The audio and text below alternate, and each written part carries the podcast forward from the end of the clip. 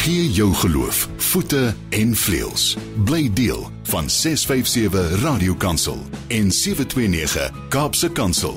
Die klanke van die lewe. Goeiemôre, dit is 10 minute oor 9. Dit is tyd vir met hart en siel. Ek is Christine Ferreira en ons kuier saam op Radio Kansel en Kaapse Kansel vanoggend. Dit is 'n yskoue dag hier in die noorde. Dit sneeu glo iewers op 'n berg. So ons ons hoop dis warm in jou hart en dat jy sommer net lekker rustig kan wees en en geniet wat die Here vir jou bring vir oggend. Vandag kuier skrywer Sanet Duisel by my in die ateljee. Sanet is ook betrokke by Radio Kansel. Ehm um, so sy het ook al saamgesels. Sy um, is betrokke by kliëntediens, ook 'n interessante deel van van van van ons ons ons aanbod hier by Radio Kansel is om kontak te maak. Maar ons gaan vandag gesels oor die twee boeke wat jy geskryf het Sanet. Ehm um, ek sien uit daarna. Daarna gaan ek gesels oor die boeke se name. Die titels is ehm um, Mountains Moving Your Mountains One Thought at a Time. Baie baie belangrike konsep en dan Things I Wish I Knew when I was a teen. So ons gaan daaroor gesels met Sanet en dan kuier 'n ou bekende in die ateljee, lewensafrigter Amanda de Lange en ons gaan gesels oor wat om te doen as jy voor 'n geloofskrisis te staan kom. En dan gaan Elisabeth Botha van Geopende Deure vertel van 'n 'n gebedsinisiatief wat binnekort van stapel gestuur word. Ons sluit ook ons program af met 'n stilte tyd meditasie deur Melanie Vosloo. So bly gerus ingeskakel vir sielskos en inspirasie. En dan nooi ek jou ook graag om saam te kuier. Jy kan saamgesels, jy kan vir ons 'n WhatsApp stuur na 082 657 2729. Dis altyd lekker vir ons om van julle te hoor.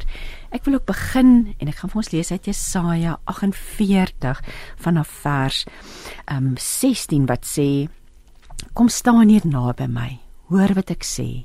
Van van die begin af sê ek dit openlik en wanneer dit gebeur, sal ek by wees. Die Here my God stuur vir my en hy gee my sy gees om saam met my te gaan.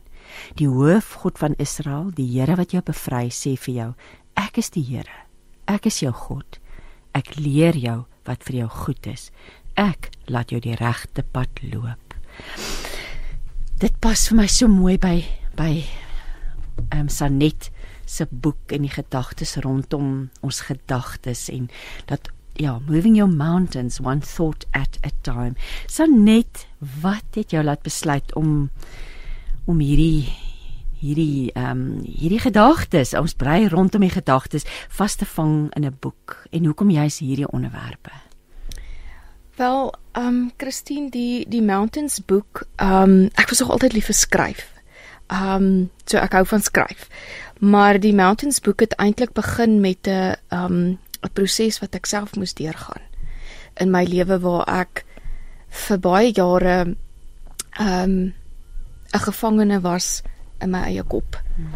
En almal en alles blameer, die lewe blameer en almal om my blameer en my omstandighede blameer. En en en en en dit het op 'n dag gekom, dit was in Covid wat ek vir die Here gesê het ek is nou siek en sat daarvoor om 'n laaste selfbeeld te hê. Ek is nou siek en sat met myself. Hmm. Ek is gefrustreerd met myself want ek battle met hierdie laaste selfbeeld ding. Ek battle met gedagtes van um ek is nie goed genoeg nie. Ek weet nie waarheen ek op pad nie. Um en dis waar hierdie hele ding begin het wanneer die Here se vraag aan my was wat glo jy? Oh, en hy bal my uit met daai vraag want ja, ek weet wat dit beteken. Ek sien Amanda glimlag want sy dit is een van die dinge in haar lewe wat sy ook baie graag oor gesels en ja. Sanet ek dink ontsettend baie mense sukkel daarmee. Hmm. Ek weet nie ek het oor al die jare wat ek skoonheidsredakteur en al hierdie dinge was en baie met vroue te doen gehad het, het ek altyd gedink, hoekom juist dit? So ek sien uit om jou antwoorde te hoor want ek glo dis amper 'n strategie of 'n taktik van die vyand om vir ons te laat dink ons is nie goed genoeg nie. Mm. So en ook nog 'n interessante ding en dat in die tyd van Covid het so baie goed dis asof die afgelope paar weke gereeld gaste in die ateljee kom wat sê ek het tydens Covid. So weer eens die Here sê vir ons daar kom ook goeie goed uit die slegte tye nê. Ja. So in daai tyd Want jy was mens was maar die hele tyd met jouself doenig, nê? Nee. Ons is Ja. vas 'n keer in die huise en Ja. toe, toe besef, maar sink net die Heilige Gees wat jou gelei het Ja. tot op daai plek. Dit was eintlik 'n moeilike vraag want toe ek voel die Here sê vir my wat glo jy? Toe sê vir Here, maar wat bedoel jy? Wat glo ek? En ek voel die Here sê vir my, maar wat glo jy oor jouself? Hmm. En ek moes regtig baie hard gaan dink. Maar wat glo ek oor myself? Um wat het myself nou te doen met die omstandighede wat deurmekaar is hmm. en die mense wat jy blameer vir al jou issues in jou lewe en so aan. En toe ek by die antwoord uitkom nadat ek lank gedink het, ek dink dit was 'n paar dae wat ek lank regtig gaan sit en dink het oor maar wat glo ek oor myself en toe die antwoord kom van maar ek glo ek is hierdie totale mislukking. Hm. Dis dit net of 'n wêreld vir my oopgaan van um, want want die volgende vraag is okay, maar hoekom voel ek so? Waar kom dit vandaan? En daardie Here met hierdie hele pad met my begin oor um om een gedagte te vat, om een vals belief. Um 'n uh, belief is mos maar 'n geloofs-oortuiging om een oortuiging op beslag te vat. Hmm. En ek moes deur 'n klomp werk. Um een op beslag. Dit was nie noodwendig 'n baie lekker proses nie. Um maar dit was ongelooflik vrymakend.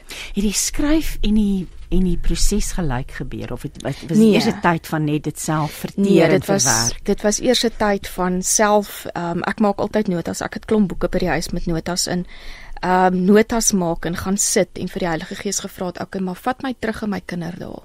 Waar het hierdie ding begin? En en hy het vir my uitgewys waar dit begin het. En um so dit was eers 'n hele proses wat ek self moes deurgaan. En toe ek deur die proses is en ek gaan nog steeds deur dat 'n mens hmm.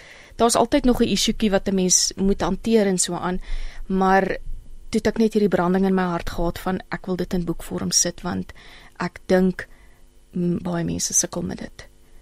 Ek dink jy sê dit hom reg daaroor. Ja. So Ja. dit so so toe kon jy teruggaan na jou notas toe en en van daar af begin. Ja. Maar kom ons kom ons begin oor net die titel Berge versit deur ons gedagtes. Hmm. Iemand wat nou luister en dink, ag, ek sien nie kans niks. Oorweldig deur deur deur my lewe. Weet jy Christine, daai versie skus ek het nou nie neergeskryf waar dit staan nie, maar dis in Matteus wat wat die Here praat van daai berge wat wat ons kan verskuif. Ons dink baie kere en dit is ook partykeer omstandighede. Ehm um, deurbrake wat ons voorwag. Ehm Um, dit sê sê jy kan vir die berg op sê Dis staan hy. op en Ja. skuif. Ja. Maar baie kere in my geval was dit die berg was in my kop. Die berg was my gedagtes. En en ek moes daai berg aanspreek. Maar dit was 'n proses want ek moes gaan kyk het waar begin het. Dit help nie mens behandel net die simptoom jy drink die pilletjie en hmm. sê die affirmations elke dag nie. Jy moet na die wortel gaan kyk. Waar dit begin want die emosie, want dit is baie kere met 'n ondervinding, um wat iewers fout gegaan het in jou lewe en daar het 'n vals oortuiging ingekom en daar was 'n emosie aangekoppel. En dis eintlik waar die krag van hierdie false beliefs lê. Dit is die emosie agter die ding. En en soos jy ook sal weet, false beliefs kan nie onderskei tussen reg en verkeerd nie, tussen waarheid en leuen nie. Dis 'n belief wat jy het. Want op daai oomblik het jy deur 'n traumatiese ding gegaan of 'n slegte ondervinding of wat dit ook al is en 'n valse belief het ingekom. En jy's nie eens bewus daarvan dat jy hierdie goed het nie. Jy's nie eens bewus daarvan ehm um, dat jy met 'n spil leuns in jou lewe saam. Vir jou is dit normaal.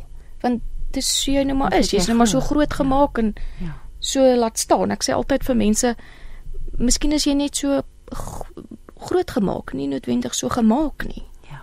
Ehm um, want want dit speel 'n groot rol hoe ons groot gemaak is. Um, ons ouerhuis, die kerk, die skool, wat is vir ons gesê, wat het ons gereeld gehoor, die ondervindinge wat ons in ons lewens gehad het as kind, kleut 'n baba, kleuter, laerskool, hoërskool, volwassene, al hierdie goed um, veroorsaak dat ons beliefs skep in ons onderbewussyn. Jy gebruik net die hele tyd die woord belief en die boek is in Engels. Jy's Afrikaans Ja. spreek hoe dit gebeur. Ek weet ek het net gevoel hy moet in Engels wees. Ek weet nie hoekom nie. meer meer toe, toeganklik, meer mense kan dit lees. Ek het Ja. gaan kyk in die Woordeboek want belief in die Woordeboek vertaal dit as geloof, 'n mening of 'n oortuiging en daai mening en oortuiging is vir my nogal kernwoorde. So dit is nie die waarheid noodwendig nie. Nee. Dis 'n mening 'n en mening, ja. die mening word oortuiging. So met ander woorde dis jy is oortuig daarvan dat jy nie goed genoeg is nie. Ja, dis net 'n oortuiging wat jy het en jy is nie eens bewus daarvan dat jy dit het nie. Dis my interessant wat jy ook sê eh, um, dit dit eh, 'n uh, belief of 'n mening of 'n oortuiging onderskei nie tussen wat reg of verkeerd Mm-mm. is nie, nê? Mm -mm. Glad nie. Want- Hy, dit is dis 'n dis 'n ding wat intree.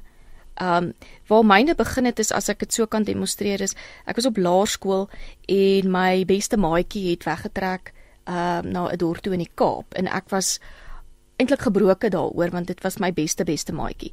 En daar was 'n groepie meisies in ons klas um wat nou half die populêre meisies was. En ek het vir hulle gaan vra of ek saam met hulle nou kan loop. Hy sê pauses want my vriendin is weg, my maatjie is weg. En die antwoord was nee, jy is nie goed genoeg nie. En ek was 12 jaar oud toe dit gebeur het en daar het 'n groot vals belief ingekom wat 2, 3 jaar terug eers regtig aan my geopenbaar is dat ek maar jy is nie goed genoeg om saam met die populêre meisies te wees nie. En dan trek hy hom deur maar okay, maar jy is eintlik glad nie goed genoeg nie om En- elders iewers in te pas nie. En wat jy ook sê in die boek is dit wat ek glo dit word ek. Ja. Ja. En hoe verskriklik hartseer dan dat ons om een of ander rede hierdie oortuiging kies wat glad nie die waarheid is nie. Ja, 'n mens op daai oomblik is jy nie bewus daarvan dat dat jy dit kies nie. Hmm. Dit is asof ehm um, ek dink die sondige natuur het op 'n manier iets bietjie daarmee te doen dat jy glo dit net. Jy jy glo dit as dit is dan nou die waarheid. Al is dit nie die waarheid nie. Amanda, jy brand om ietsie te sê. Jy's nou die ekspert hierso. Jy is Ek wil net oor dit sê. is jou is jou klank. Ek dink jy met jou mikrofoon net 'n bietjie hoër opstel. Daar sy. Daar sy. Ja, ek het ge, ek het gedink jy gaan nie kan stel. ek wil ek wil ek wil nie jou praat oorvat nie, Nee. maar ek wil net hierdie ding sê- daai ding antwoord. Op daai ouderdom, onthou as jy nou kyk na daai goed, het jy insig, jy het perspektief, jy het logika, jy het redenasie vermoë, jy het al daai dinge en jy kan dit in konteks sien. Op daai ouderdom het jy niks van dit nie. Dis hoekom jy dit glo. Want jy het nie die vermoë om die, om te onderskei. Jy het nie daai uh, jy het nie die al die inligting tot jou beskikking wat jy nou dalk 20 of 30 jaar later in jou lewe het nie. As iemand nou dit vir jou sê, sal jy dit van jou afskud want jou Yes. jy's intellektueel in staat daartoe om te kan onderskei Ja. dat daai Ja. woorde nie waar is nie. Ja. Maar jy het dit nie as kind nie. Ja, en dis hoekom daai goeters as kind vashak en groei en Mm. groter en groter word totdat dit uiteindelik 'n berg in jou Ja. kop is. Ja. En ek al wat ek wou alles sê. Dankie daarvoor Amanda. Dit is want dit dit maak net soveel sin. Ja. En dit lê alles natuurlik ook in die onderbewuste, want in jou boek sê jy beliefs produce thoughts and thoughts produce emotions and emotions determine behavior which becomes habits. Hmm. Dis 'n mondvol. Vertel Ja. ons 'n bietjie wat jy ontdek het rondom dit. Wel, toe die Here met hierdie ding met my begin het, toe toe vat ek nou net eers hierdie hierdie een insident wat met my gebeur het wat nou eintlik so groot impak op my lewe gehad het. Um ek het ek het gaan identifiseer die valse oortuiging is ek is nie goed genoeg nie. Toe gaan kyk ek okay, maar hoe dit my gedagtes beïnvloed. Toe kon ek identifiseer maar dis heeltyd wat ek dink. Orals waar ek beweeg, by die werk, hmm. tussen vriende, um orals waar ek beweeg, is dit eintlik maar die gedagtegang. En dit het sekere emosies by my opgewek. Ek het by tye sal ek tussen mense wees dan voel ek verskriklik minderwaardig. Dit voel of ek ek moet ek hoor dit nie daar nie, dan bly ek nou maar doodstil en so dit het dan my aksies ook geword. So ek het opgetree ook soos iemand wat minderwaardig was. Ek het nie confidence gehad nie. Ek kon nie as iemand iets sê en ek het dalk nie saamgestem nie, dan het ek maar chupstil gebly. Ek het maar niks gesê nie uit vrees uit vir hoe gaan hierdie persoon reageer. Maar dit was die probleem was meer ek het geen selfbeeld gehad nie, geen confidence nie. So dit is hoe ek hom toe uh uh um deurgevat het na die die geloof beïnvloed jou gedagtes, dit bepaal hoe jy voel en dit bepaal hoe jy optree en dit word gewoontes want naderhand tree maar so op want jy's gewoond daaraan om dit so te doen. Dit dit word 'n tweede natuur by jou om 'n sekere manier op te tree. Maar jy besef nie daai optrede het eintlik 'n baie baie baie diep wortel nie. Jy verwys na die top 5 mees beperkende meningsoortuigings of beliefs onder mense. Vertel vir ons 'n bietjie meer daaroor. Ja, ek het ek het hierdie eintlik nogal lekker gaan oplees op die internet, so 'n bietjie navorsing gaan doen. En ek het gevind, ehm um, ek het baie websites opgelees en hulle het almal hierdie goed gesê en ek kon tot 'n manier nogal baie identifiseer daarmee. Die nommer 1 is die een van die grootste verskonings is nee, maar ek is te oud. Hmm. En ek ek ken as ek as ek kyk na my na my ouers en so aan waar my ma is 73 en sy werk nog en die impak wat sy maak net in haar omgewing jy hoef nie op 73 die Comrades marathon te gaan hardloop en en geld in te samel hmm. vir vir wat ook al byvoorbeeld net nie ek noem nou sommer net 'n ekstreem voorbeeld maar baie mense gebruik die verskoning maar ek is te oud hmm. en ek en ek voel solank as wat jy nog asem in die liggaam het, kan jy in jou kringe daar waar jy is, kan jy 'n verskil maak. By kliëntediens kry ons baie oproepe van van ou mensies wat ons skakel van aftreeoorde af wat vertel hoe impak maak hulle daar by die ouer huis. Hulle het 'n biduur groepietjie begin of hulle bid vir mekaar se families. Dis impak. Dit is impak maak. Um uh uh um of ouer mense ook wat sê nee maar ek is nou al te oud. Ek wil nou nie meer met hierdie goed werk nie. So, ek verstaan hoe ouer 'n mens word, hoe moeiliker is dit om 'n gewoonte te breek. Dit is definitief waarheid daaraan, maar maar ek dink mens mens kan loskom al is jy hoe oud. Um en dan 'n tweede enetjie is um ek is nie slim genoeg nie, ek is nie intelligent genoeg nie, ek is nie um ek het nie genoeg kwalifikasies nie. Jo, um daar is ook 'n groot een wat wat wat mense gebruik. Um ek sit met 'n diploma in dramatiese kunste op my naam en die Here het my 20 jaar terug uit daai wêreld uitgevat. Ja. Maar dit beteken nie ek kan nie 'n impak iewers maak nie.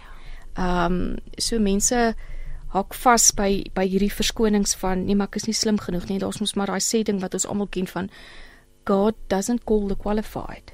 He hmm. qualifies hmm. the called. So dit is 'n verskoning wat mense gebruik en dan nog 'n volgende een is um bang vir mislukking. Mense is bang om hmm. iets te probeer want hulle is bang vir mislukking. Hulle is bang wat gaan mense sê. En weet jy Christine, ek het ek kan nie vir jou opnoem hoe baie projekte en goeders het ek al in my lewe gedoen wat almal misluk het nie.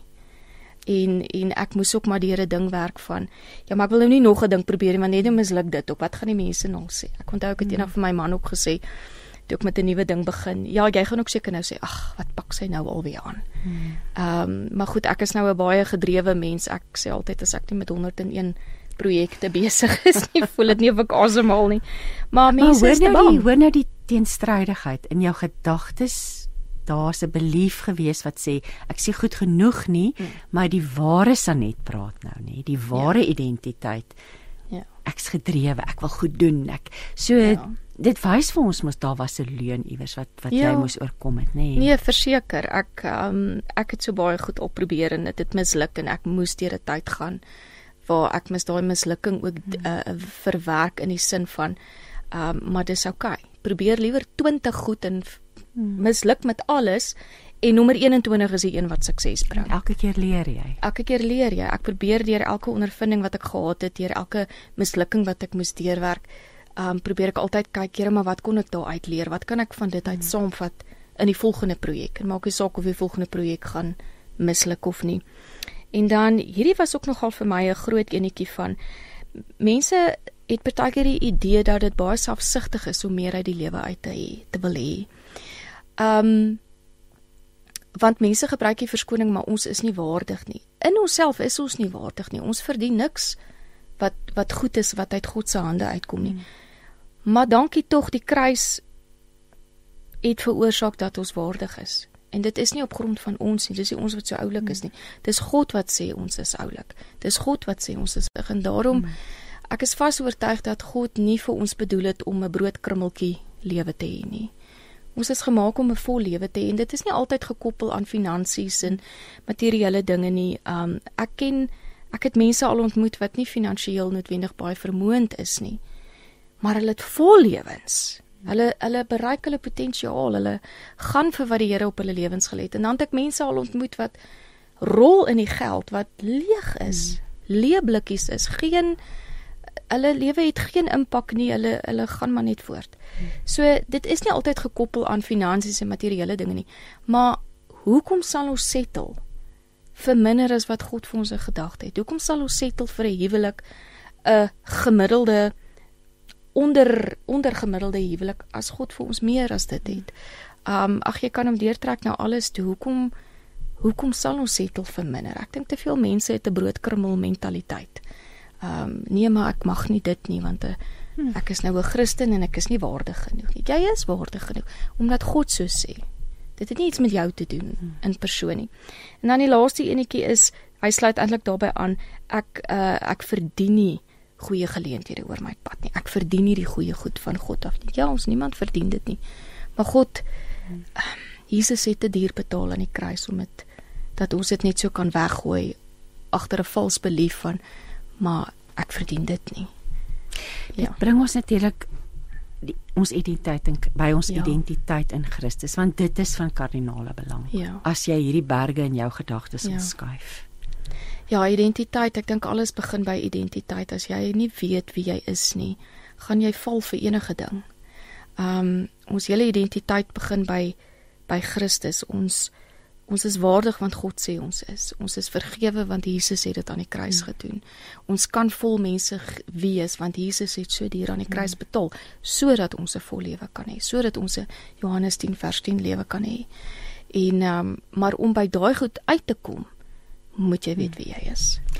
En natuurlik die doel van hierdie boek is is om om om mense te help om by 'n plek te kom wat hulle die berge mm. kan verskuif. So, miskien net so in 'n neutedop. Hoe kan ons dit regkry? Hoe kan ons hierdie berge verskuif?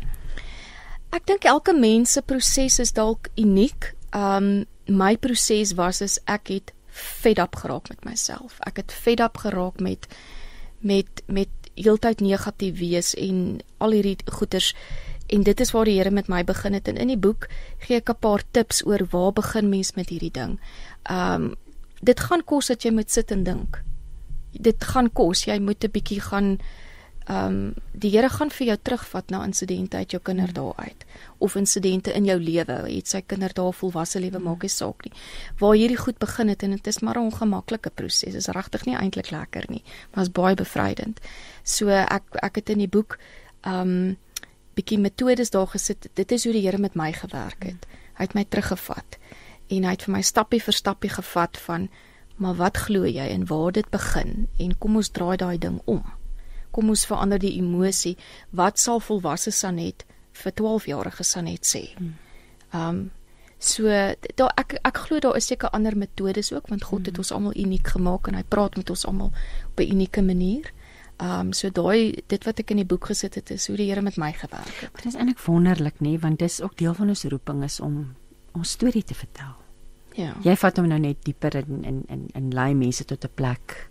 Ja. Maar hoe wonderlik die Here jou daarvoor geroep het ten spyte nê. Ten spyte. Ja, ek het nou oh, nooit gedink ek sal ja. eendag skryf nie. Toe kom daar sommer 'n tweede boek want die die Mountains was die eerste een en ja. nie. En ja. toe is daar nou sommer 'n tweede boek, Things ja. I Wish I Knew When I Was a Teen, 101 Quotes of Wisdom Every I Know Must mm. Know ons ken almal daai ek weet. Mm, ja. Vertel ons so ietsie oor hierdie boek. My teensboek het eintlik begin ek het twee tieners in die huis en ehm um, ja, soos jy sê, die ding wat ek die meeste hoor is ek weet ma, ek weet. nou wil ek vir hulle sê nee, jy doen nie. Jy doen nog nie. Jy oh. dink jy doen, maar jy doen nog nie. So ek het besluit, um, ek wil 'n boek saamstel vir tieners, jong mense, maar eintlik kan enige ouderdom hom lees want ek moet vir jou sê toe ek my navorsing gaan doen, toe leer ek net so spul goed eintlik maar by. Um Ek wou 'n boek geskryf het wat vir tieners maklik is om te lees. Nou albei my kinders is nie noodwendig baie lief vir lees nie, veral nie my seun nie.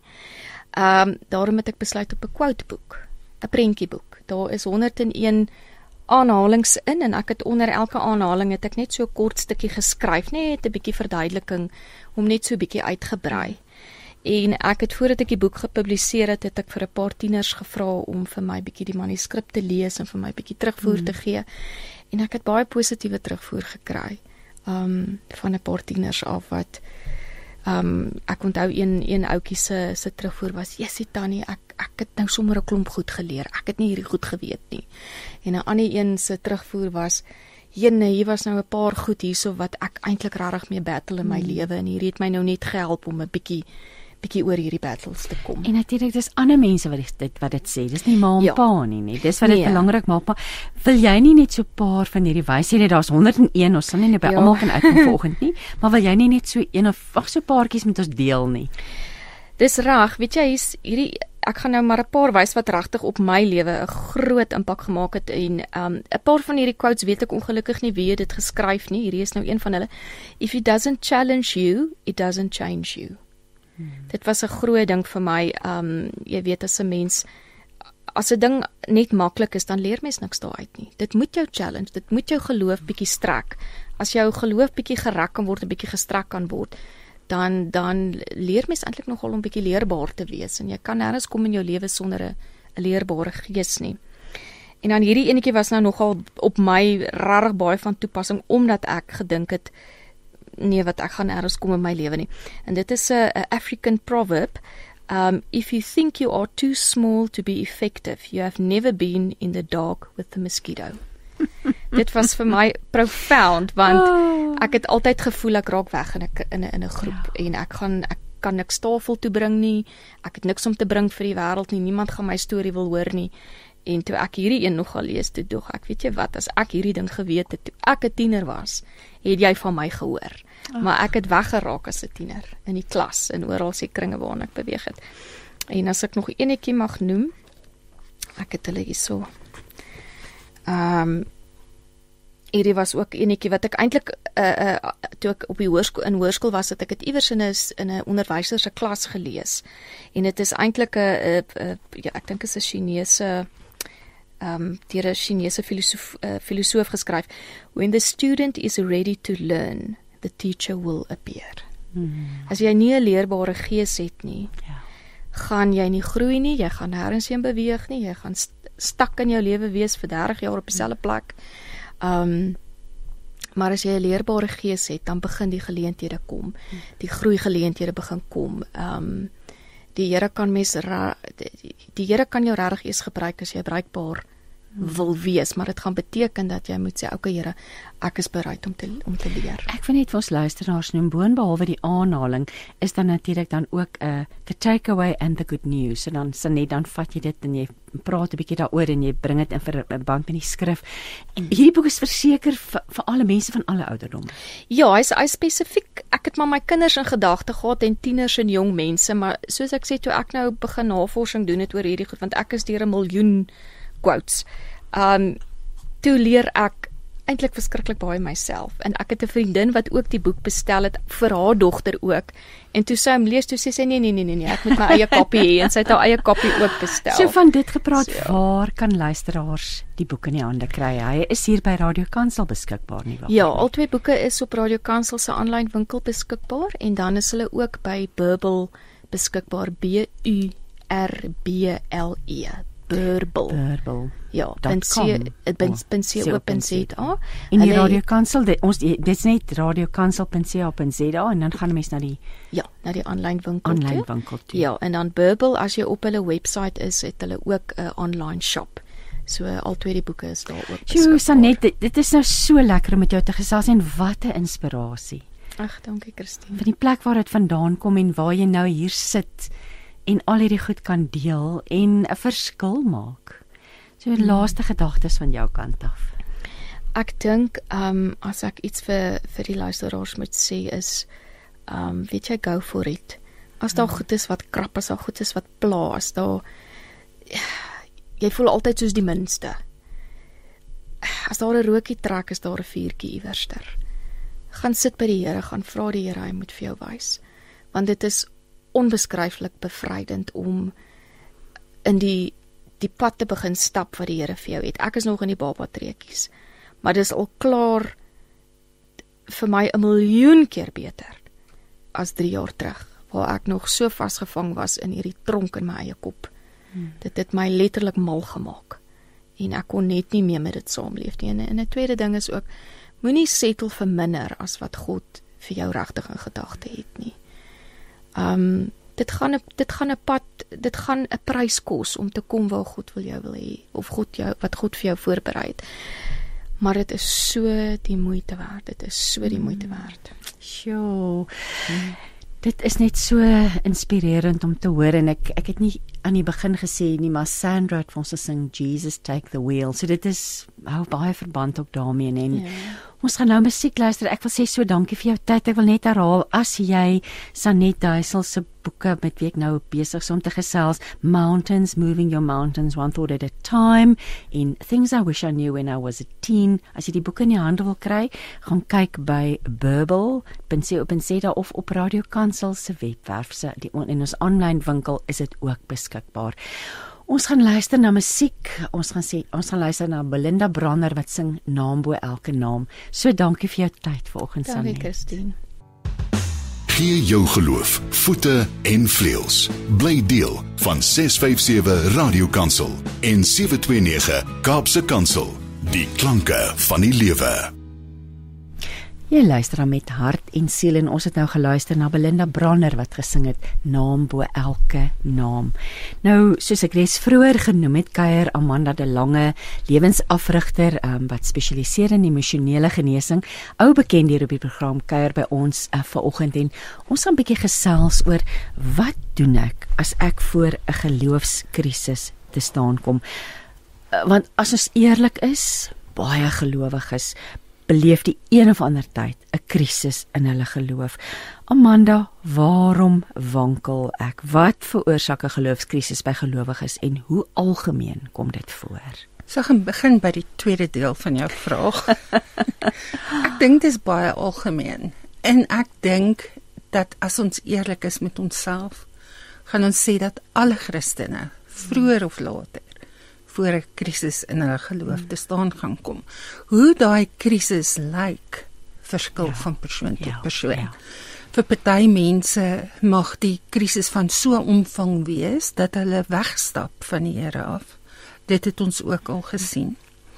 Waar hulle eenvoudig nie in staat is om deur daai krisis te werk en aan die ander kant of van uit te kom nie.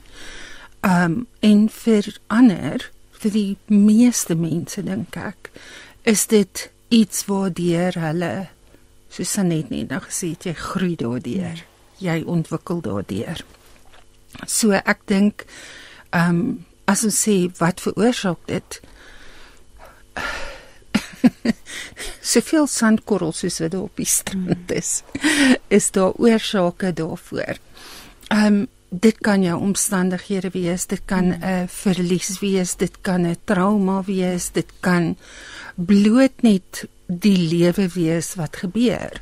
Maar ek dink as ons dieper gaan kyk as die voor die hand liggende om te gaan sien wat is aan die aan die kern daarvan, wat is die fondasie vir my krisis? Dan moet ek gaan kyk wat is die fondasie vir my geloof.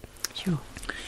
En die eerste vraag wat ek sou wil vra is ehm um, wat is dit wat jy glo en hoekom glo jy? So vir baie van ons het ons die vermoë om te glo onvoorwaardelik dat Jesus vir my gesterf het aan die kruis. Ons glo dit. Ons sukkel nie om dit te glo nie. Ons kan dit ook vir ander mense sê.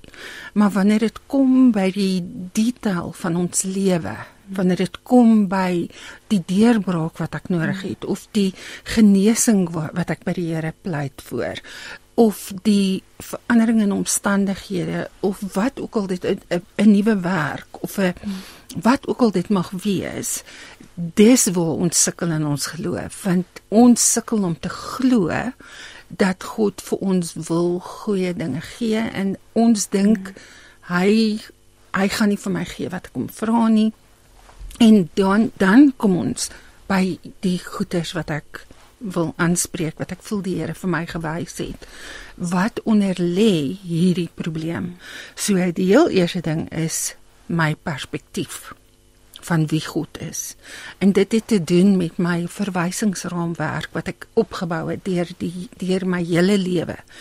As ek 'n um, gebroke perspektief het van wie God is en ek dig menslike eienskappe aan hom toe, dan gaan ek in my geloof sukkel. Want ek gaan die hele tyd aan hom dink volgens al die mense wat my deur my hele lewe seer gemaak het, in die steek gelaat het, in die rug gesteek het, uh, wat ook al gestel het, ja. Ja. al daai goeders. En ek gaan hom deur deur daai lense na God kyk. En dan gaan ek nie kan glo nie. Ek gaan nie in staat wees om in geloof te kan staan nie. So dis die eerste ding. Die tweede ding is gebrokenheid. En dit sluit aan by perspektief. So al my wonde wat ek uit die verlede uit met my saamdra, al my traumas, al my teleurstellings, alles en hierdie goed begin soos ons almal weet, van hierdie goed gaan so ver terug as dat in die baarmoeder was jou ma dalk aan een of ander trauma onderwerp en jy het haar angs geabsorbeer en nou 30, 40 jaar later affekteer dit jou nog steeds, jy weet nie hoekom nie, maar jy het angstoestande of jy kan nie funksioneer nie en jy kan nie glo nie. Die volgende ding is iets wat ons nie regtig graag wil hoor nie, maar dit is baie relevant en dit is geestelike onvolwassenheid. Partykeer kan ons eenvoudig net nie glo nie want ons is babas wat melk gevoer moet word. En ons wil nie die vol, ons wil nie volwassenes wees in die gees nie. Ons wil nie volwasse wees in Christus nie. En as ons 'n babatjie is wat nog steeds melk drink en wat verwag dat alles vir ons gevoer moet word, dan kan ons ook nie in geloof leef nie. Dan die volgende en ek wou die woord gaan opsoek het want ek kon nie uh, onthou wat dit in Afrikaans is nie en dit ek vergeet. Maar dis presumption. Daar's 'n veronderstelling, 'n is dit nie 'n veronderstelling nie, 'n voorveronderstelling Uh, ja, ek dink so. So wat dit beteken aanname. is 'n aanname. Ja. Nee.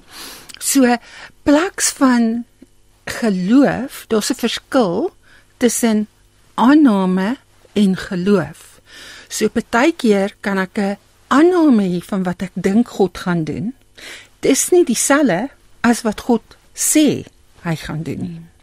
So wanneer my aanname dan nie vervul word nie, dan sê ek vir God kwaad en dan dan volgende keer dan sê ek nou kan ek nie glo nie want kyk laas het ek hom gevra om hierdie te doen wat ook al dit mag wees en ek het aannames rondom dit gehad van hoekom hy dit vir my gaan doen of hoe hy dit vir my gaan doen en dit het nie uitgewerk nie en nou sukkel ek om 'n volgende keer te glo.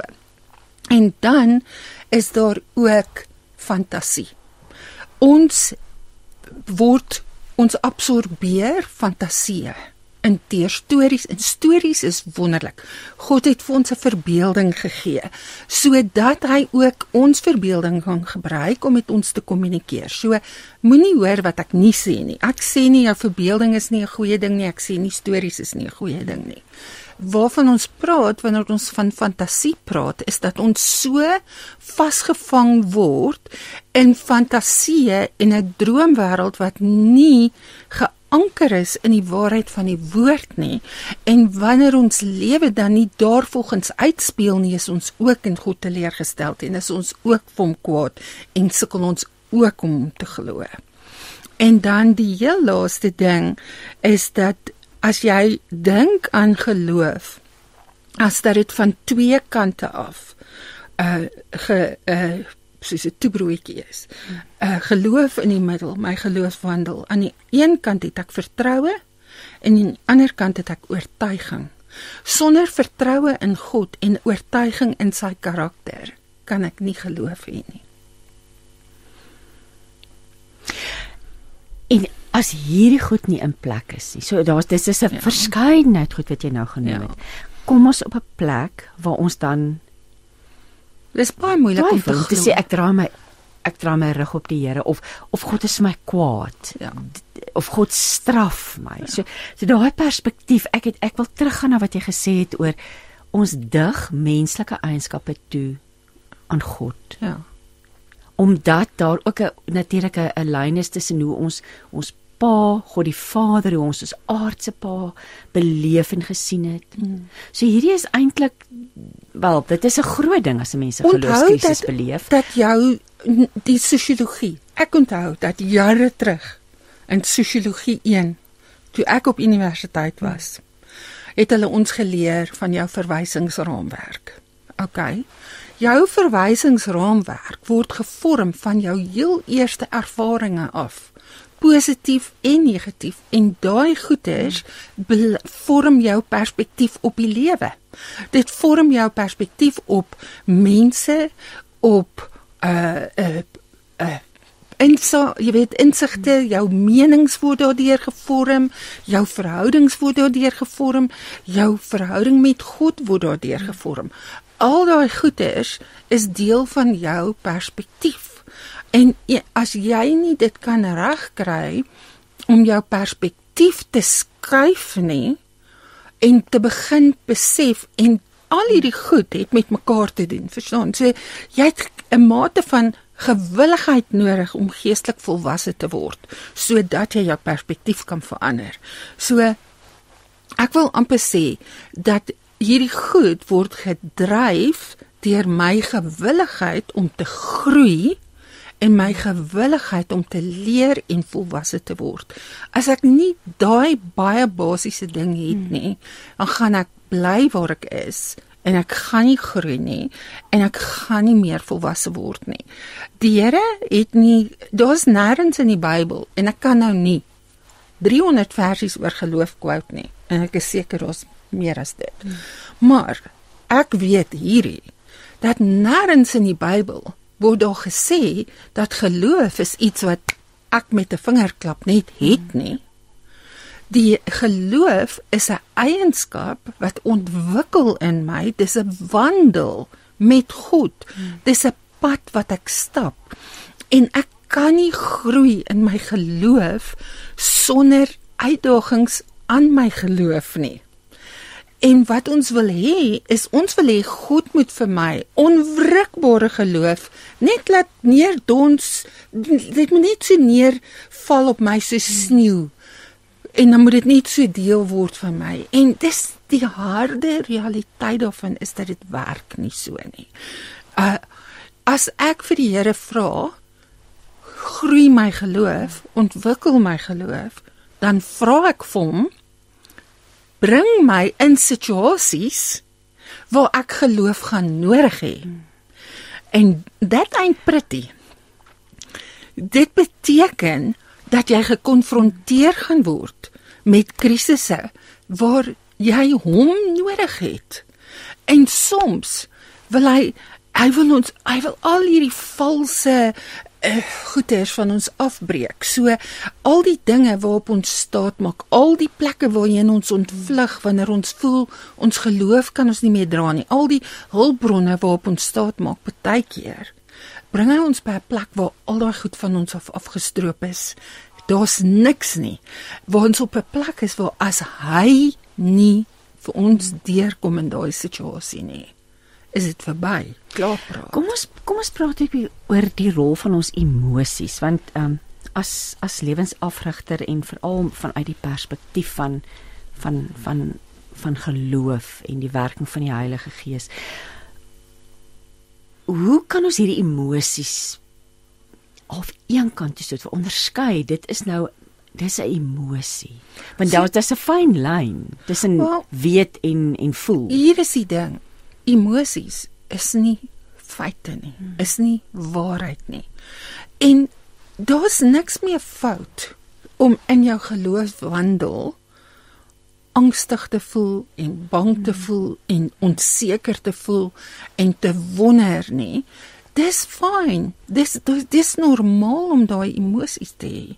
Maar jou werk, dis jou werk. Elke gelowige is verantwoordelik. Die woord sê vir ons, jy moet jou geloofspad met vrees en bewing uitstap. OK. So ons kan nie vir ander mense sê, "O, kom bid vir my vir geloof nie. Uh bid vir my vir dit nie." Jy moet daai paadjie stap. So hier is die ding oor emosies. Dit het ook maar te doen met volwassenheid. Partykeer moet ek maar net verstaan ek het nou emosies wat ek voel. Dit is oukei okay om daai emosies te hê, maar ek is 'n groot mens hmm. en met groot mens bedoel ek nie 'n uh, 'n uh, noodwendig kan 16 wees en soos 'n hmm. volwassene hmm. optree. Okay, ek praat van geestelike volwassenheid. Ek gaan kies om nie toe te laat dat hierdie emosie my my lewe en my denke reguleer nie. Natuurlik die emosies soos wat jy dit reg genoem het, word eintlik veroorsaak deur trauma of omstandighede ja. wat my op 'n plek bring waar ek sê maar die Here is nie daar vir my nie. Ek ja. ek kan nie met hom ek kan nie met hom praat nie of ek is kwaad vir hom. Ja. Dis nog nou as mens nou gaan kyk in die woord, daar's talle voorbeelde van Bybelfigure wat geloofstwyfel gekry het. Ek ja. ons ons kan kyk na aan Moses. Ja. Elia, Dawid, Abraham, Job in 'n groot mate. Dis ja. as dit is amper deel van die menslike natuur om ja. op 'n plek te kom wat jy net ja. voel ek ek ek bestaan hy. Is hy daar of hy's daar, maar is hy daar vir my? Ja. Kom ons as 'n mens op so 'n plek is waar jy dan voel ek is in in in, in hierdie hierdie situasie Amanda. Hoe tel ek die stukke op? So wat ek wil sê is dat baie keer is daar nie stukke om op te tel. Sure. Baie keer is daar net stukke om weg te gooi. Sure. Maar ek weet nie uh, ek vir jou liewe luisteraar wat nou sit en luister en en dalk hierdie selfe vraagie wil ek die volgende sê.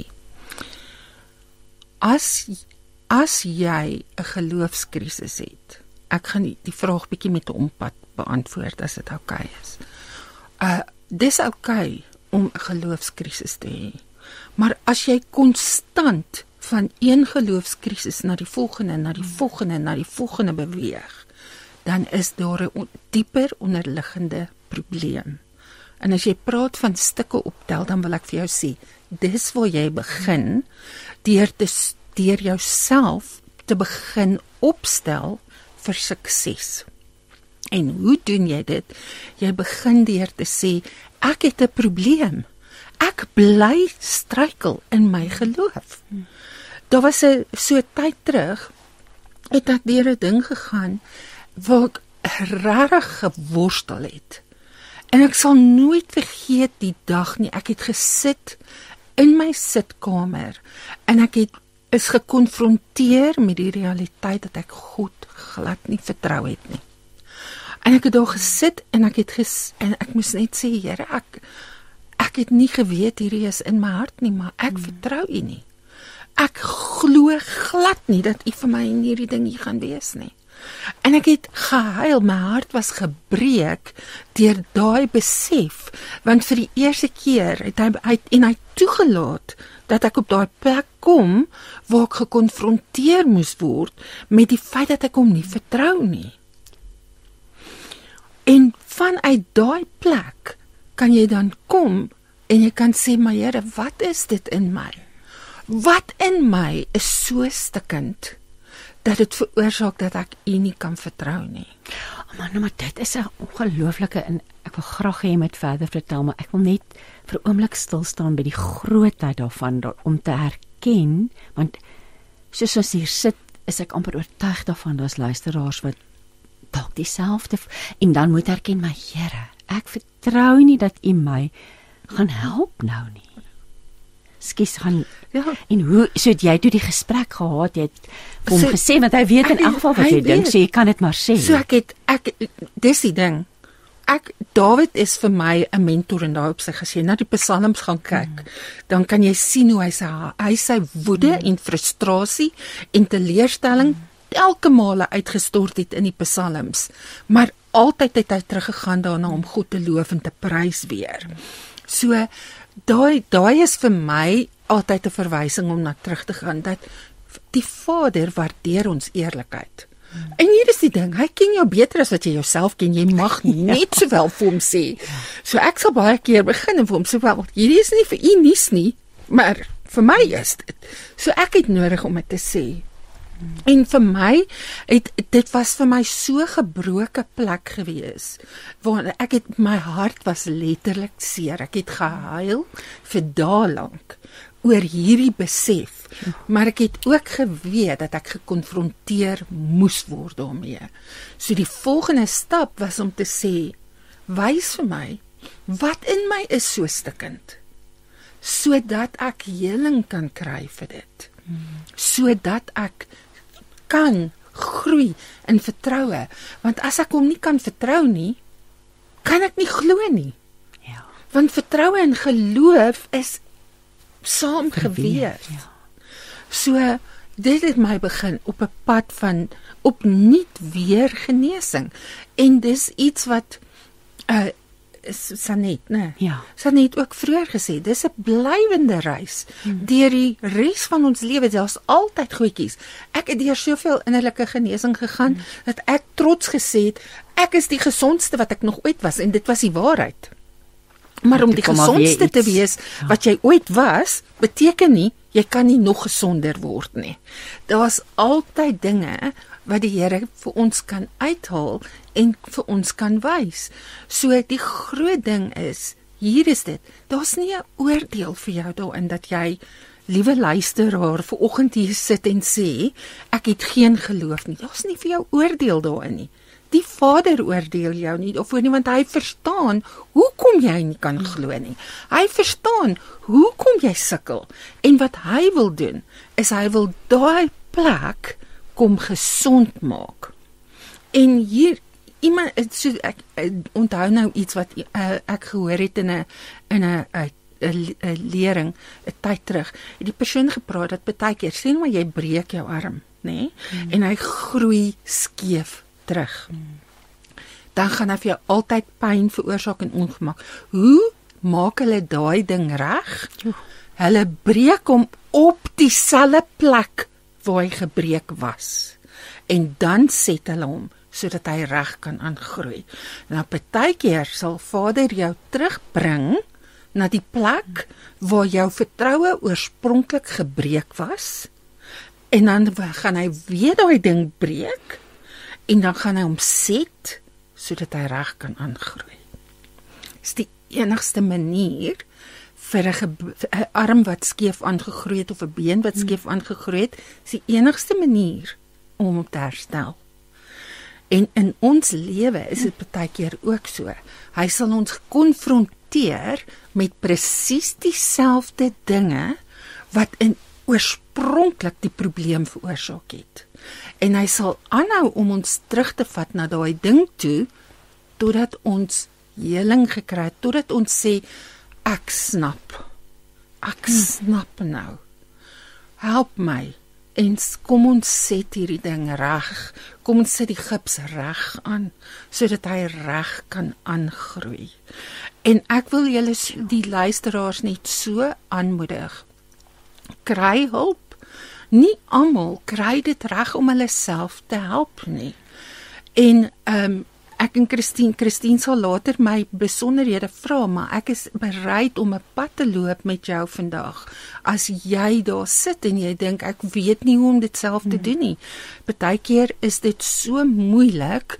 Jy weet daar's die uitdrukking wat sê dat jy kan nie you, you can't discern the wood from the forest, ja, nee? Ja.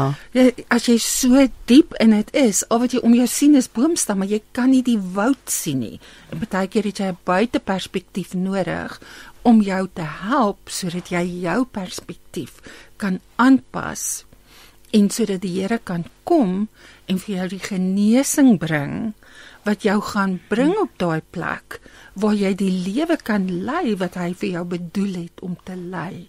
Solank as wat jy kies om met hierdie hierdie pyn en hierdie skewe arm of skewe been te loop gaan die pyn gaan nou bly die ongemak gaan nou bly as dit nie soos jy gesê het die lewe. ja. So dit dis dis word dit by kom dat ons baie keer moet ons moet sê ek gaan nou soos 'n volwassene in Christus optree en gaan nou verantwoordelikheid aanvaar en ek gaan my lewe verander. En soveel mense sê Ja, maar en dis dis dis daai tyd van die jaar waar ons voel maar ek sal dit volgende jaar doen. Ja. So Almal is nou al amper moeg vir om te sê moenie dit uitstel nie. Ja. Stel jouself nou op vir sukses sodat jy Januarie tekkie tekkie die teer kan tref en kan ontslae Hmm. wees. Moenie die nuwe jaar ingaan met al jou ou bagasie nie. Laat die Here toe nooit om te laat nie, dit pas nooit te laat. mooi aan wat by Sanet ook gesê het. Ja. Daar's altyd 'n verskoning om nie die werk te Ja. gaan wil doen nie. Een van die goed in hierdie proses want want ons ons, ons almal almal is in staat daartoe om by die Here te gaan sit. Die Heilige Gees is daar om in te tree. En een van die dinge wat jy na verwys is Amanda is dat 'n mens moet gaan dink oor wat het hy al vir my gedoen? Ja. So wat wat baie help is veral wanneer jy besig is om te bid en om te vra vir 'n deurbraak en te vra en jy's jy's jy's in daai proses van druk en druk en druk en druk deur en jy sukkel in jou geloof. So wanneer ons onsself herinner aan alles wat hy al vir ons gedoen het, dan bou dit ons geloof op. Dan dink ons, ag, dan is ons nie meer so in daai plek, want as ons onsself toelaat, sal ons onsself net herinner aan al die teleurstellings. Ja. OK, dis maklik om dit mm. te onthou. Maar hierdie, ek het 'n ek het 'n boek waarin ek alles neergeskryf het van ek onthou dat ek was 6 jaar oud toe die Here die my eerste her- herinnering aan 'n gebed wat hy beantwoord het en dit was so eenvoudig as dat ons sou sirkus toe gegaan het die dag en dit het gereën en my pa het gesê as dit reën gaan ons nie sirkus toe gaan nie. OK. En ek het na my kamer toe gegaan en ek het op my knieë langs my bed gaan sit met my hande te mekaar 6 jaar oud en ek het die Here gevra dat dit ophou asseblief Lief ophou ophou reën reën. want ek wou sirkus toe gaan en dit het ophou reën.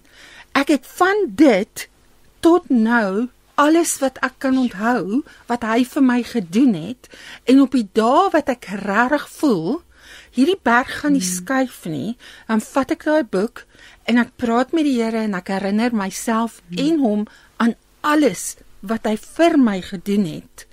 En dan gaan ek en dan sê ek vir hom, hier is wat ek nou voor content. Ek weet nie wat se Afrikaanse woord nie. Hierdie is waarvoor ek nou Veg. veg. Ja. Hierdie is waarvoor ek nou voor U is. Hierdie is hierdie is my pad nou. En dit bou jou geloof op. Dit help jou om te onthou dat hy is nie 'n mens wat gaan jok nie.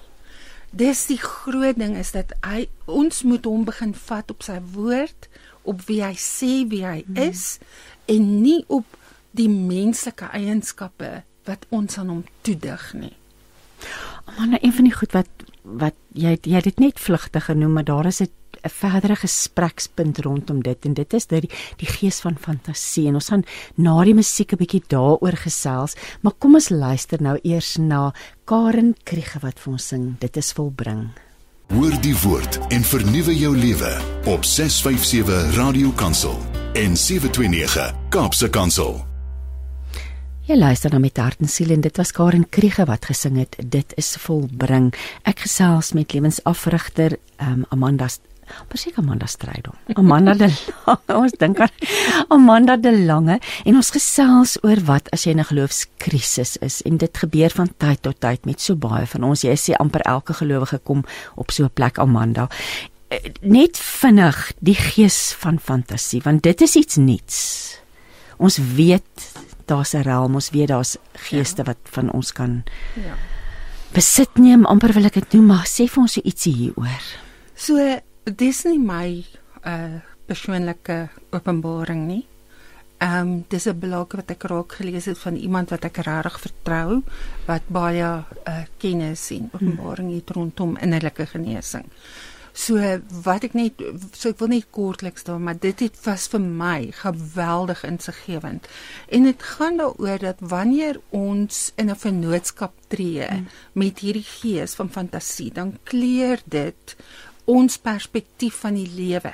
Dit word soos die ridder op die wit perd, die mm. romantiese held in die fliek, die Uh Die dag as ek die lotto wen. Ek gaan die as ek die lotto wen, dit is dit vat ons in 'n plek waar ons drome droom wat nie geanker is in die woord en die waarheid van God nie. Hmm. En is 'n baie subtiele klemverskywing. So dit kan vir my lyk like, asof ek droom wat die Here vir my droom, maar dit is gekleur met hierdie onrealistiese fantasieë en as daai goeters dan nie uh vervul word nie dan baie keer is ons in in God teleurgestel. Maar wat eintlik gebeur het is dat ons mislei is deur 'n gees van fantasie. So um toe ek dit raak lees het dit regtig tot my gespreek. En ek het onthou vroeër jare uh, dis nie regtig iets wat ek nou mee doen nie maar vroeër jare sou ek dikwels as daar 'n 'n lotto uitbetaling van 12 miljoen of whatever dan sit hmm. ek en droom wat sal ek met 12 miljoen rand doen. En sonder dat ons dit weet, uh kom daar is daar geestelike entiteite wat net sê ooh daai lyk vir my soos 'n vennootskap waartoe ek kan toetree. Hmm. En dan word ons denke beïnvloed deur daai fluisteringe. Hmm. So dis baie belangrik om te onderskei tussen fantasie en en die Vader se hart vir ons. Hmm. Want dit kan baie na aan mekaar wees. Maar die klemverskywing, dis daar's 'n klemverskywing. Die Vader wil ons seën, maar hy wil ons nie op vlugte van fantasie vat nie. Wat sê jy vir iemand wat sê die toekoms lyk vir net te donker. Ek sien geen pad vorentoe nie. Ek is eintlik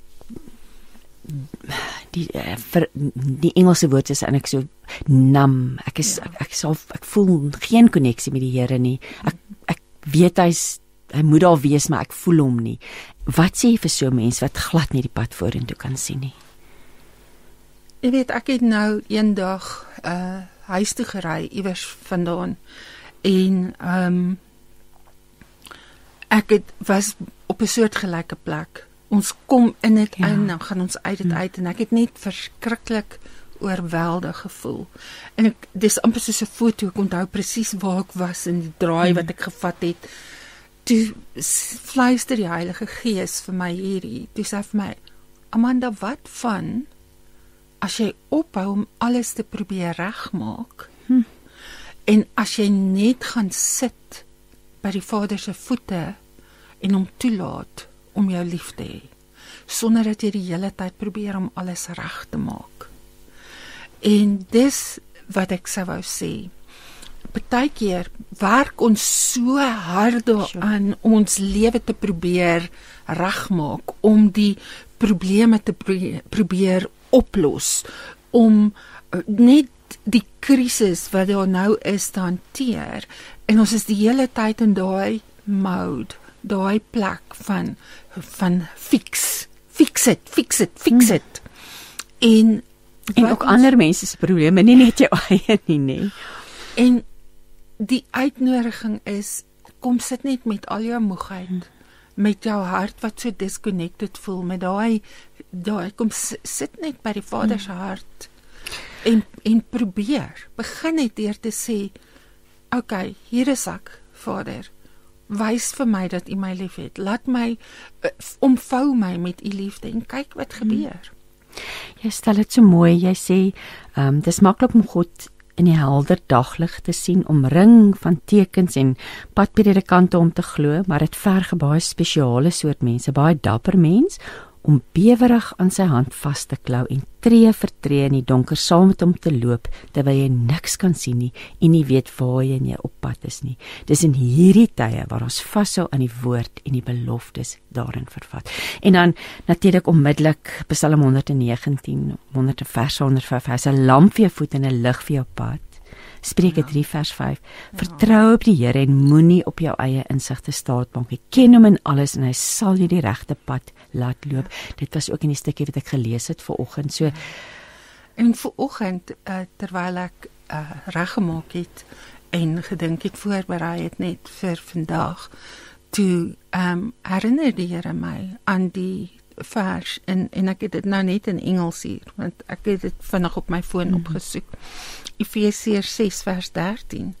Um wat sê therefore put therefore put on the full armor of God so that when the day of trouble comes you may be able to stand your ground and after you have done everything to stand. Sure. So dis die uitnodiging van die, van die Here is bly net staan. En jy weet ek dink baie terug aan um ek dink is Bill Johnson wat dit gesê het. Hy het gesê die hy dink die rede hoekom die Here vir die Israeliete gesê het hulle mag nie 'n woord sê toe hulle daai 6 hmm. keer om hierdie goed geloop het nie is dat hy het geweet hulle sal met hulle eie monde die wonderwerk doodpraat. Sjoe. En baie keer ons ons moet onthou dat daar die mag van lewe en dood is in die tong. Ons kan nie dink dat wat ons sê nie gevolge het nie. Hmm. Ons kan nie dink dat die woorde wat by ons mond uitkom nie saak maak nie. So ons moet ophou om te praat teen dit wat ons ophoop in die Here. As jy nie geloof het nie, as jy nie kan vertroue sê nie, bly net stil. Bly stil en bly bly net stil. Moet net nie jou ja. wonderwerk dood praat, praat nie. Ek is al op die punt waar ek sal nooit nooit meer as iemand my vra gaan dit sal ek sê dit gaan sleg nie. Ja. Op die meeste sal ek sê, ek voel 'n bietjie gestrek. of ek voel 'n bietjie uitgedaag, maar ek sal nooit meer dit sê nie. Ek sê altyd dit gaan goed en dis nie om te lieg of hmm. vals te wees of wat ook ja. al nie, maar my woorde hmm. het lewe in hulle. En ons moet kies wat is dit wat ons gaan sê oor ons situasie? Veral in hierdie donker tyd. Ja. En daar word mens baie verwys na die donker nag van die siel. Ja. En hy kom en dit wat ook in daardie skrif staan, when, nie ja. if the trouble comes, when. nie when. So ons ja. dit gebeur met ons almal. Ehm um, iets wat ek uh, graag by jou wil hoor is dis dis nou die einde van die jaar en jene ek mes sien so baie mense sal op op Facebook 'n kommentaar lewer en sê ek weet nie ekskuus van dit gepraat. Renay sê vir ons op WhatsApp baie dankie geliefdes. Ek is so bemoedig elke week met julle program. Renay dankie vir hierdie boodskap. Ons waardeer dit. Terug tot hierdie einde van die jaar. Daar's vir die meeste van ons lê nou nog so 2 maande oor tot en met die met die vakansietyd wat is jou raad? Vir iemand wat luister en weet net sê ek sit in my kar, ek is so moeg, ek wil nie eers gaan werk nie. Ehm um, daar's dis eindeksamens vir die kinders. Mm. Daar's so baie goed aan die gang op die oomblik. Wat is jou raad vir hulle? Vir my kom dit net terug en ek dink altyd daaraan en ek vat my altyd daaraan terug. Daar was ek, baie jare terug het ek deur 'n tyd gegaan waar ek was ontsettend moeg en ek het elke dag in my kar gehuil op pad werk toe want ek want ek het nog hm, dit was hierdie tyd van die jaar en daar was 2 en 'n half maande oor voor ek met vakansie kon gaan en ek het net niks meer in my oor gehad nie. En dan huil ek vir die Here. En eendag terwyl ek so sit en huil dat die slijmspat en trane spat in alle rigtings toe sê die Here vir my hierdie Amanda kan jy deur vandag kom? Toe sê ek ja, kan deur vandag kom. En en dit het vir my die skuif gebring. Is om net op te staan in die oggend en vir myself te vra kan ek deur vandag kom? Ja, ek kan deur vandag kom. En net daai een dag. Hmm. Want wanneer ons dink aan daai alles wat voor lê, dit raak oorweldigend, ons raak angstig. Ons kan nie want jy kan nie, jy's nie bedoel Die Here het ons nie gemaak om 2.5 maande se las te dra op een oomblik nie. Hy het ons gemaak om vir vandag net vandag se laste te dra. Net hierdie dag, hierdie oomblik sinne. So my advies is die, is regtig vra jouself net kan ek deur vandag kom? dit dis al wat jy nodig het om te doen is om deur vandag te kom. As mense met jou wil kontak maak en jou in die hande wil kry, waar kan hulle dit doen? Jy kan vir my 'n e-pos stuur na amanda@amandadelange.co.za of jy kan vir my 'n WhatsApp stuur. Moet my asseblief nie bel nie want ek het nie 'n selfoon ontvangs waar ek bly nie. So dalk hy sien dan. stuur my asseblief net 'n WhatsApp. Uh 084 6090344. Ek gaan net die detail herhaal as jy wil kontak maak met Amanda. Jy kan 'n e-pos stuur na amanda@amandadelange.co.za of 'n WhatsApp 0846090344. Amanda, jy gaan nog saam met my kuier in die ateljee terwyl ons luister na Elizabeth, maar ek wil vir jou so dankie sê vir jou tyd vanoggend. Jy het my kom inspireer. Um, oh, ek dink dit is heerlik om na jou te luister. Dankie, maar kom ons luister nou na Krishna de Bruin wat sê just a prayer away. Jy's by 657 Radio Kansel en 729 Kaapse Kansel. Die radio wat omgee 24 uur per dag. En jy luister nou met hart en siel die horlosie sê 10:33. Ons het geluister na Just a Prayer Away deur Krishna de Bruin en so gepas ons gesels oor geloofskrisis en nou gaan ons praat oor geloofskrisis in 'n heel ander dimensie. Ek gaan gesels met Elisabeth Botha van Geopende Deure en ons praat oor die vervolgde kerk. Nou Geopende Deure het jaarliks 'n internasionale dag van gebed uh, op 5 November en um, Elisabeth gaan ons bietjie meer hieroor vertel. Hallo Elisabeth. Hallo Christine, goeiemôre. Altyd lekker om met jou te gesels. Sien net, is jy op jou speakerfoon of praat jy in die in die foontjie? Ekskuus tog? Is jy op speakerfoon of praat jy die, of ek weet nie eens wat noem jy dit nie. Luidsprekerfoon. of praat jy in jou foon? Ag, wil jy hom nie teen jou teen jou mond hou nie want hy maak bietjie 'n ekko aan ons kant. OK, uh, is dit beter? Ja, ja, dis beter. Elizabeth. Die IDOP, soos julle dit noem, internasionale dag van gebed, International Day of Prayer, vind plaas op die 15 November en julle wye hele week aan hierdie veldtog. Vertel vir ons 'n bietjie meer asseblief.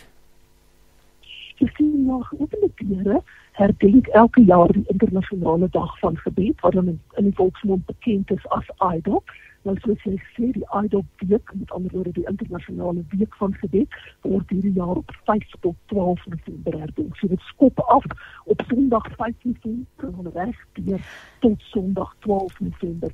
En ons wil Elizabeth, ekskuus tog, ek gaan jou nie Elizabeth, ek gaan jou in die rede val. Ons sukkel, ons sukkel om jou te hoor. Ek dink ons gaan jou net weer op die lyn probeer probeer kry. Dit reg? Daar sê ek dink ons het nou weer vir Elizabeth op die lyn. Elizabeth, is jy daar? Ek is daar gesien kan jy my beter hoor? Ek hoor jou nou beter. Die internasionale dag van gebed, vertel vir ons meer. Ja, soos jy net reg gesê het, Christine, geopen het die herdenking die internasionale dag van gebed op Sondag 5 November. Die internasionale dag van gebed staan in die volksmond bekend as IDOP. Nou IDOP word elke jaar herdenk. Dit is nie net in Suid-Afrika nie, dit is reg oor die wêreld wat geopende deure hierdie dag herdenk. So ons skop dit dan af op Sondag 5 November en dan vir die hele week reg deur tot op Sondag 12 November. En waarom ons dit doen? Ons wil graag bewusmaking skep onder die publiek oor wat 'n kragtige geskenk van God gebed is en die geleentheid wat dit aan ons gee om saam met ons broers en susters die vervolgde kerk wat vervolging ervaar omdat hulle Jesus dien op die geestelike slagveld te staan. Want wanneer jy vir jou vervolgde geloofsfamilie bid, help jy om hulle te versterk en hulle te onderhou. So daarom wil ons mense intrek en 'n beroep doen op mense om dan gedurende hierdie week saam met ons aan IDOP deel te neem en dan te weet ook dat dit nie net in Suid-Afrika is nie, maar dat dit saam met Christene wat betrokke is by geopende deure reg oor die wêreld is. En IDOP is basies dan daarop gemik om die krag van gebed te illustreer en mense betrokke te kry deur gebed by die lot van die vervolgde kerk. Want die realiteit is dat meer as 360 miljoen Christene in meer as 65 lande reg oor die wêreld word vervolg omdat hulle Jesus dien, omdat hulle Christus Elizabeth as as organisasie 'n wêreldwye organisasie het sien julle daagliks julle kry weekliks daagliks verslag van die impak van gebed op mense uit die vervolgde kerk. Ehm um, byvoorbeeld Gertrude en is 'n skuilnaam van die van die Demokratiese Republiek van die Kongo sê I ask for your prayers because that is what sustains me. Is daar nog ja. voorbeelde van van terugvoer wat jy kry oor wat beteken gebed vir hierdie mense? Ja, weet jy Christine, kry elke dag terugvoer van hulle wat hulle vir ons illustreer hoe verskriklik belangrik gebed is. Dat ons as ons reis na die vervolgde kerk toe, ons gaan besoek vervolgde Christene fisies in die lande waar hulle bly op afgeleë plekke en ons vra hulle, wat kan ons vir julle doen? Dan die eerste ding wat hulle voorvra is gebed. Hulle sê onmiddellik bid asseblief vir ons. En as ek miskien kan aanhaal broer Andrew wat die stigter van geopende deure was, hy het geopende deure in 1955 gestig. Hy het gesê gebed spesifiek nou ek aan uit die boek wat hy geskryf het gebed die ware stryd. Here maak my 'n man van gebed. En dit is een van die bevredigendste gebede wat dit kan wees, want dit gee ons die geleentheid om op die geestelike slagveld te staan saam met ons broers en susters in Christus wat vervolging ervaar omdat hulle Jesus dien. En soos ek gesê het, mense help dan om hulle te omhou, mense help om hulle te versterk en meer nog, hulle besef hierdie woord dat ons vir hulle bid dat hulle nie alleen staan in hulle stryd nie dat hulle nie alleen staan in hulle vervolging nie maar dat die wêreldwye kerk saam met hulle staan en dat die wêreldwye kerk daar is om hulle op te hef en hulle te help om op te staan teen vervolging. Dit sluit ook baie mooi aan by ons Arise Africa veldtog wat ons op die oomblik al die gang het. Dis 'n veldtog wat ons spesifiek oor die volgende 4 jaar loods om mense bewus te maak van die vervolging van Christene in Sub-Sahara Afrika op die Afrika kontinent spesifiek. Weet jy gesien is dit die kaart van Afrika kyk dat daar 60% van die vasteland waar vervolging plaasvind. Um so dis 'n verskriklike groot deel van Afrika waar mense vervolg word en met die Arise Africa veld tog wil ons mense aanmoedig om te staan teen die vervolging. Ons moet Ekskuus tog, jy het net vir 'n oombliekie weer weggeraak. Ek sien hier op ons Facebookblad op die Radio Kansel Facebookblad is daar 'n pragtige aanhaling van William Law wat sê there is nothing that makes us love someone so much as praying for them.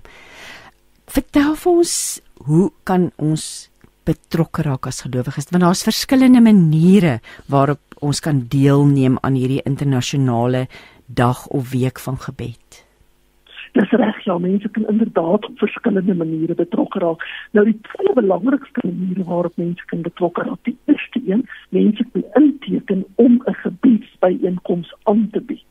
Met ander woorde, hulle kan 'n gebedsbyeenkoms in hulle gemeenskap aanbied, in hulle kerk in hulle selgroep byvoorbeeld jy weet in hulle vriendekring by 'n vroueoggend so kan mense aangaan by geleenthede waar jy 'n gebedsbyeenkoms aanbied en as mense dan daarvoor inteken sal ons dan vir hulle 'n uitnodiging stuur wat hulle kan versprei om mense te kry om deel te neem. Ons sal vir hulle kragtige getuienis stuur wat hulle kan deel by die gebedsbyeenkoms en ons gaan vir hulle PowerPoint aanbieding stuur met gebedspunte vir elke dag van Idol wat hulle dan kan gebruik om deel te neem. Die tweede manier hoe mense kan deelneem is hulle kan inteken om tydens die week van Idol in hulle persoonlike hoedanigheid saam te bid met ander woorde dan word hulle gebedsvernoot van geopende deure en dan sluit hulle ook aan in daai opsig by ons en word permanent dan gebedsvernoot of net vir idol net soos hulle verkies. Nou sodra dit beskikbaar is sal ons dan hierdie mense gebed ingestuur om hulle gebede vir die week te lei. En daar sal gebedspunte wees vir elke dag van die week oor spesifieke sake in vervolgde kerk waarvoor vervolgde Christene ons vra om te bid en dan natuurlik het derde opsie mense kan ook by doen. Hulle kan 'n gebedsbijeenkoms aanbied, maar hulle kan ook gedurende uit week net so dat so hulle kan beide doen of hulle kan een van hierdie dinge doen om betrokke te raak. En ek wil regtig 'n beroep op gelowiges doen, op elke gelowige staan op in geloof saam met die vervolgde kerk en raak betrokke hierdeur en op hierdie maniere want op daardie manier help jy Christene en ons fokus hierdie jaar gedurende aardop spesifiek ook op Christen kinders se hulle gesinne. So ek wil vir mense vra as jy 'n hart het vir Christen kinders, raak betrokke, word deel van aardop en as jy dit doen dan help jy in jou beskrywingsdiens die vervolgde kerk om op te staan teen vervolging. Elisabeth, ek hou baie daarvan dat dit so gestruktureerd aangebied word deur julle. So dit dis regtig gefokus, daar's hulpmiddels en ons weet almal as ons ons oë afhaal bietjie van onsself af weier kyk, dan raak raak ons eie probleme sommer baie baie kleiner, nê. Nee. Vertel net vir ons so 'n bietjie meer en ek weet daar's baie inligting op op julle webwerf en ons gaan weer daaroor gesels, maar die situasie in, in, in, onder meer in Suid in, in Afrika word uit elke 10 Christene wat vermoor word vir hulle geloof is 9 in hierdie areas. Ek korrek om dit te sê. Ja, ek wil nou juist daai statistiek noem, Christine. Ek sou bly ja dat op soos jy sê 9 uit elke 10 Christene in hierdie areas.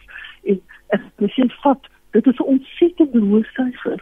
En ek dink baie mense besef nie hoe ernstig die vervolging van Christene is nie. In Afrika byvoorbeeld, mense dink altyd dis daar ver, maar dit is lank meer daar ver. Jy weet, as jy vat dat 60% van die kontinent vervolging ervaar. Vat byvoorbeeld 'n buurland van ons soos Mosambiek.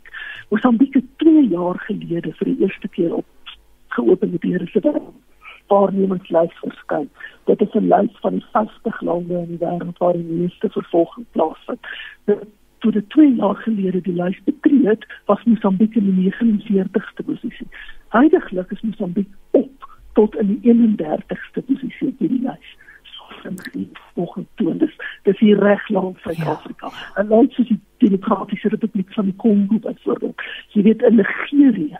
Nigerië ervaar skrikwekkende hoeveelhede van vervolging. Ons praat van 5000 Christene wat in 'n jaar vervolg word en vermoor word weens hulle geloof in Nigerië.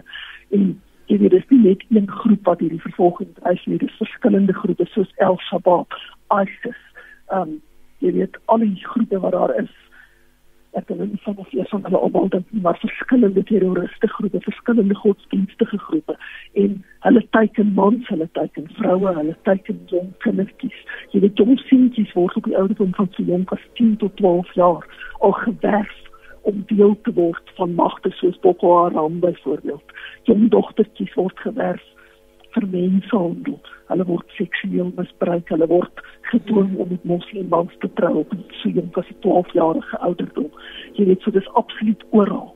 En dan natuurlik die groot ding ook verskriklik baie mense wat vervolging ervaar in Afrika en elders word ontwortel. Met ander woorde, hulle word gedwing om hulle huise te verlaat. Ja, ek, ek wonder altyd mes of nie wonder is seker nie die woord nie, maar hoe sterk is hierdie mense se geloof nie om ten spyte van hierdie intense vervolging nog steeds in Jesus Christus te glo nie. Ekskuus ek val nou weer, weet jy, dit is die wonderbaarlikste van alles. Ons vind dat hoe meer hulle vervolg word, en hoe groter die aanslag van die dose teen hulle is, hoe sterker word hulle geloof en hoe vaster staan hulle. En natuurlik ons as kerk, ons as medegelowiges kan nie noodwendig fisies, ons kan nie daar wees nie, ons gaan nie kan hulle nie fisies help nie, maar ons kan hulle help deur gebed en ons ken almal die krag van gebed. So ter afsluiting kerke kan ook betrokke raak. Gemeentes kan betrokke raak nie waar nie by hierdie ehm um, ja. week van gebed. Ja, nie net mens kan net as 'n individu betrokke raak, jy kan jouself groep betrokke kry, jy kan jou vriendekring betrokke kry.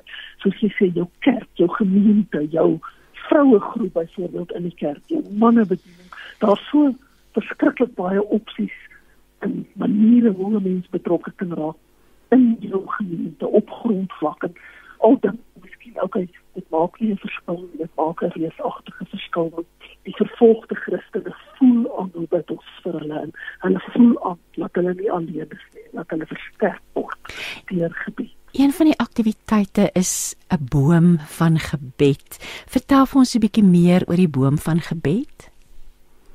Ja, weet jy ons ons um, hierdie komfortboom as simbool van gebed. Nou as ons gaan kyk na die komfortboom, nou hoekom is dit asem miskien moet dit eers hoor hoekom ons die komfortboom gekies het? Die komfortboom groei in heems in Nigerië. Nou Nigerië, soos ek vroeër genoem het, is die land in Afrika waar vervolging op hierdie kontinent begin het. Dit het vaste plek in Nigerië gekry en dit daarvan aan reg deur die kontinent versprei tot die 60% waar dit vandag staan. ergste in Nigerië. Jy vat dat op die wêreldwaarneming sy 6 uit die top 10 lande op die lys is in Afrika. Nigerië bekleed die twyfelagtige eerste posisie. Hoekom ek sê twyfelagtig want dis allerminste een hmm. dat dit die land is waar vervolging die gewelddadigste is. Met ander woorde waar mense die meeste gewelddadig vervolg word en die meeste vermoor word. Nou die kampverboom groei in Nigerië.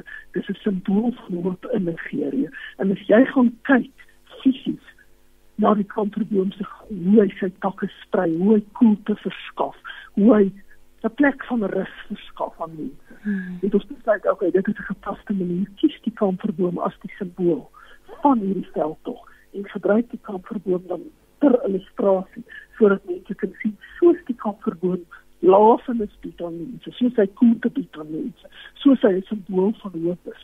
So kan ons deur gebed gedurende uit op dieselfde doen. Ons kan laafenis bied vir Christene, ons kan 'n simbool van hoop vir hulle word. Ons kan hulle versterk soos wat die kamperboom skare weer bied. Ag, dit is 'n pragtige simbool en en jy sê ook sy wortels is diep. Dis diep gevestigde wortels. So ja, dit simboliseer ook ons geloof in in Christus, nê. Nee. Net so sy word dit so is die vervolgde kerk se wortels net so ja, Christus. Ja.